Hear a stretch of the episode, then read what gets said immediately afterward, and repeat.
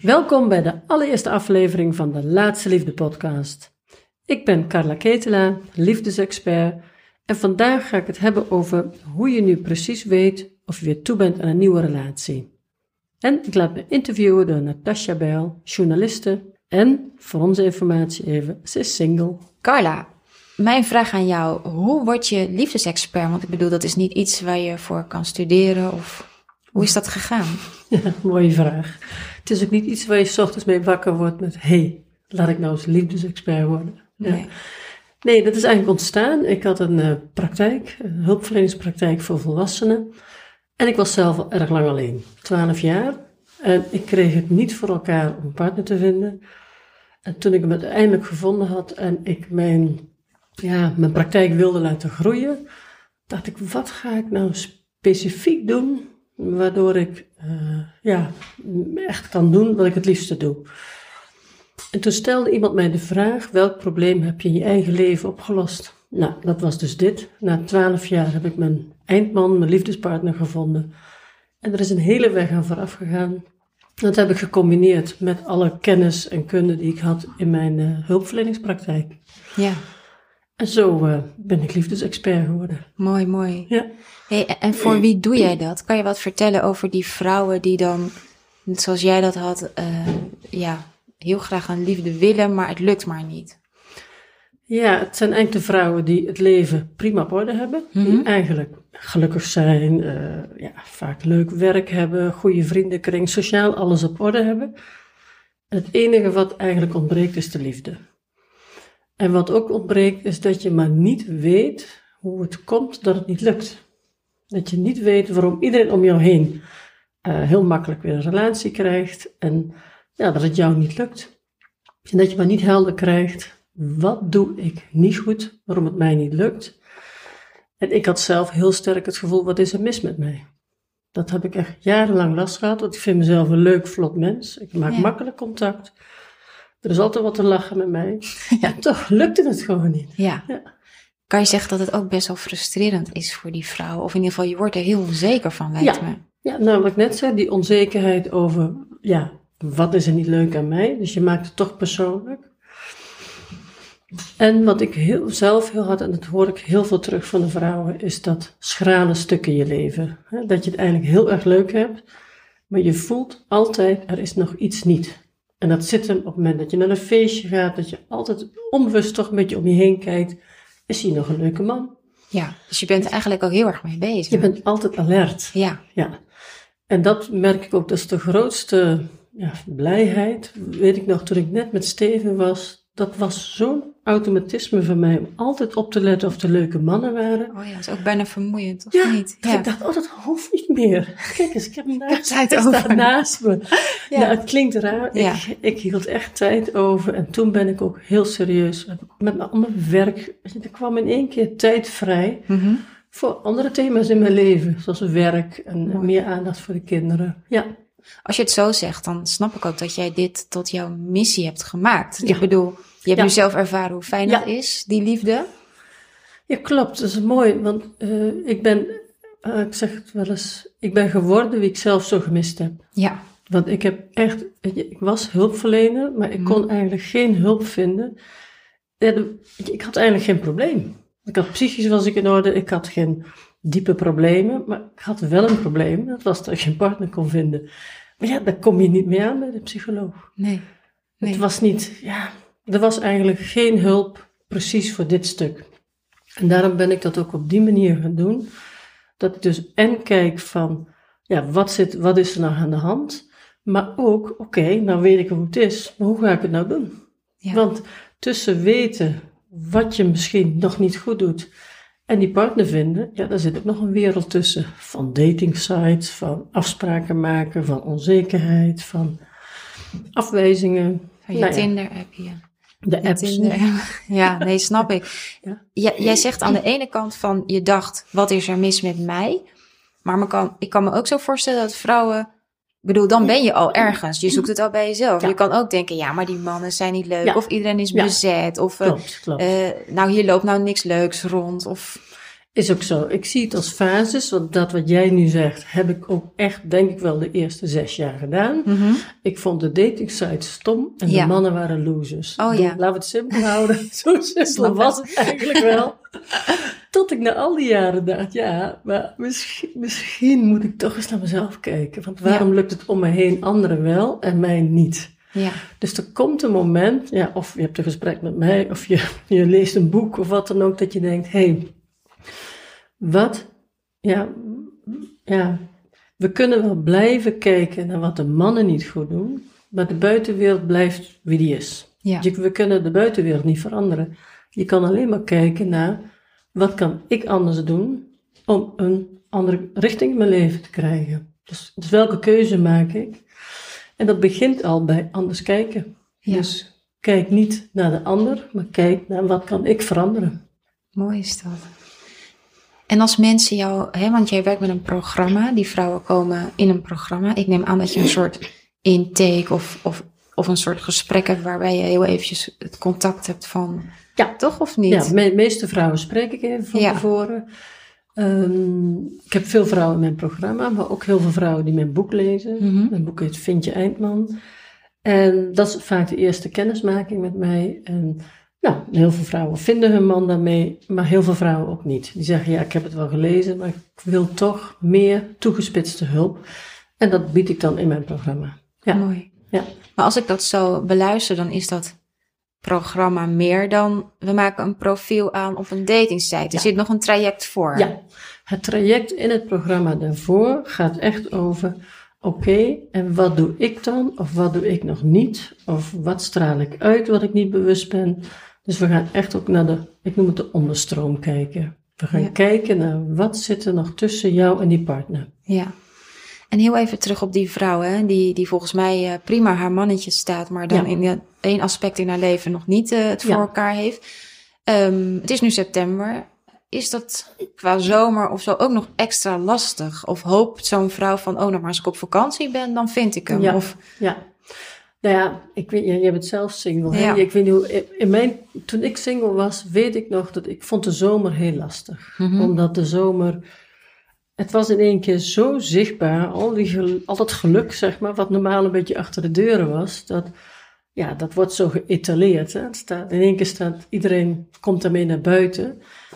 En natuurlijk weet ik ook wel dat het lang niet altijd is wat het lijkt. Maar als je continu mensen, gezinnen en families en stellen samen op weg ziet, dan ga je je eigen eenzaamheid sterk voelen. Ja. Heb- herken jij dat? Dat je dat nu ook sterker Ja, hebt? ja, ik, ik eh, loop met de hond elke avond. Ja. Dan loop ik langs een rij huizen en die hebben dan de tuinen meer aan de voorkant van een huis. En dan zie ik altijd stelletjes samen nog Oh een ja. rozeetje drinken s'avonds. Oh ja, oeh. Nou, dat vind ik dan heel. Ja, ja, En dan weet ik het ook wel van ja, voor hetzelfde geld hebben ze net ruzie gehad. Precies. Maar daar gaat het niet om. Het gaat om dat het echt soms best wel fijn is dat je iemand om je heen hebt, toch? Ja, ja. Nou, en ik vond het in de zomer, had ik daar meer last van. En ik ging ook op single reizen. En je gaat toch altijd op single reis met een stiekeme hoop iemand te ontmoeten. En nou, meestal ontmoet je hele leuke andere vrouwen. Maar nou, de man, met de mannen lukt het eigenlijk dan toch niet. Nee.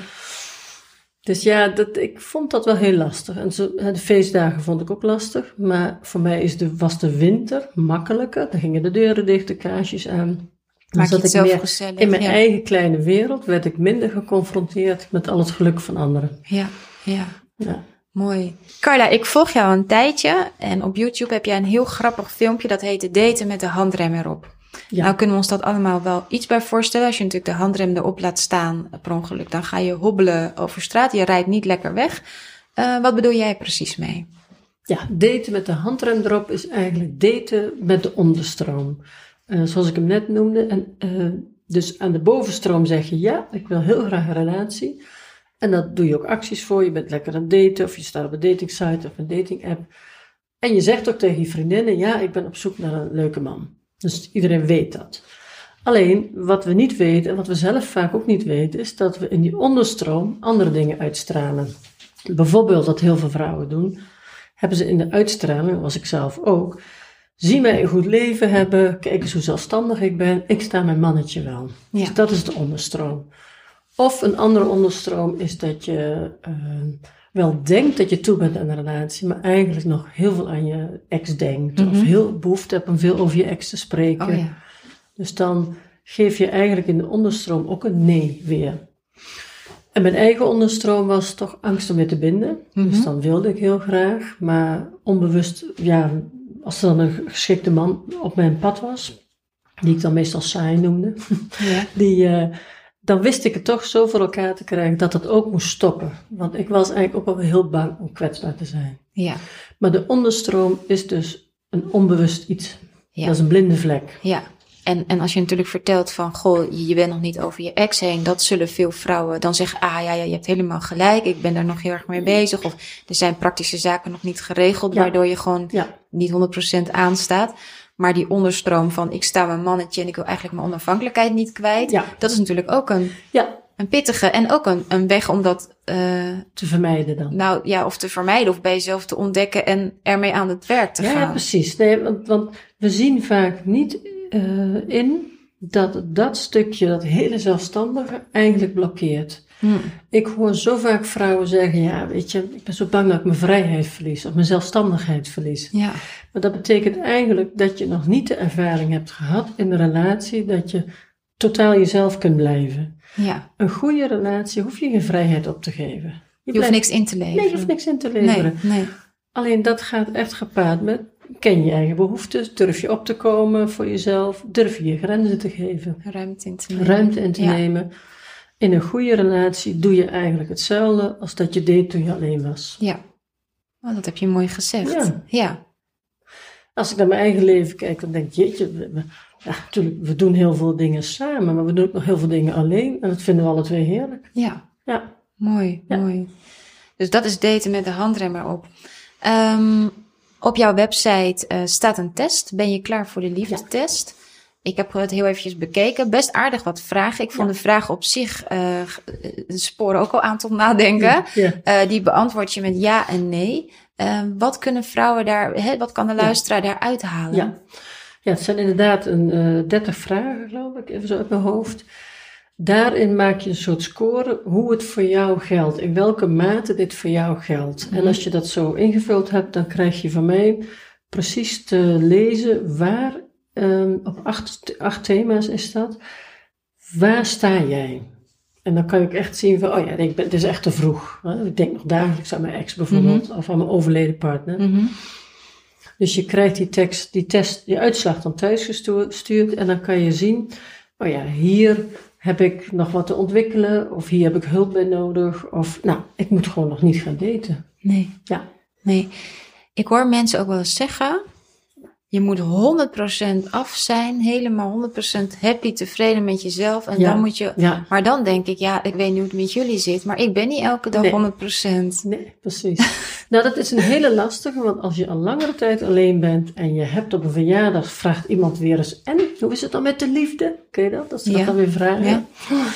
En dan vertel je er wat over en dan wordt er gezegd, ja, maar je moet ook eerst gelukkig zijn met jezelf. Ik Eerst werd- van jezelf houden. Oh, ik werd er ook een beetje kribbig Ja. van. Want ik dacht altijd, ik ben al gelukkig. Weet je, Ja. ik ben hartstikke blij met mezelf. En wat ik het probleem daarvan vind, is dat we denken dat we nog heel vaak verder moeten ontwikkelen, moeten weer in therapie, want we zijn er nog niet aan toe. Maar dat is echt niet waar. Tevredenheid is goed.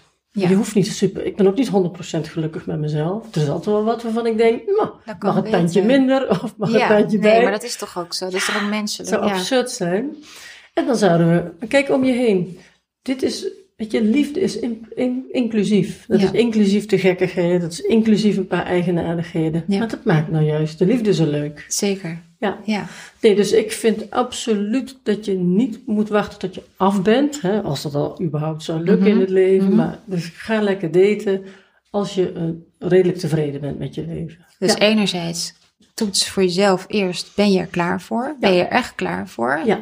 Wil je er ook tijd en energie in investeren? En sowieso heb je, weet je hoe het met je onderstroom zit. Maar aan de andere kant, we hoeven niet 100% af te zijn Nee. voordat we ons op eh, Nee. het datingspad eh, bevinden. Precies, want dat is mooi wat je zegt. Want in feite doen we, met je liefde is eigenlijk het allerbelangrijkste in ons leven, maar Mhm. het krijgt eigenlijk bijna geen tijd. Nee, De auto, de kinderen, het huis, alles krijgt aandacht, maar de liefde doen we er even bij. klopt. Dus we willen een partner en dan frutselen we een profieltekstje in elkaar. We pakken wat vakantiekiekjes en binnen een kwartier staan we op een datingsite. Met een palm achter ons en een kat naast ons met de meest verschrikkelijke is, foto's. Ja. weet je, het is natuurlijk te zot voor woorden dat iets wat van wezenlijk belang is voor de rest van je leven, Mhm. dat we dat, ja, ik zeg altijd maak er een projectman van. Maak er een project van, zoals je een project op je werk aanvliegt. ja, Ga een keus maken en besteed er iedere dag even aandacht aan. ik snap het, ik snap het. Ja.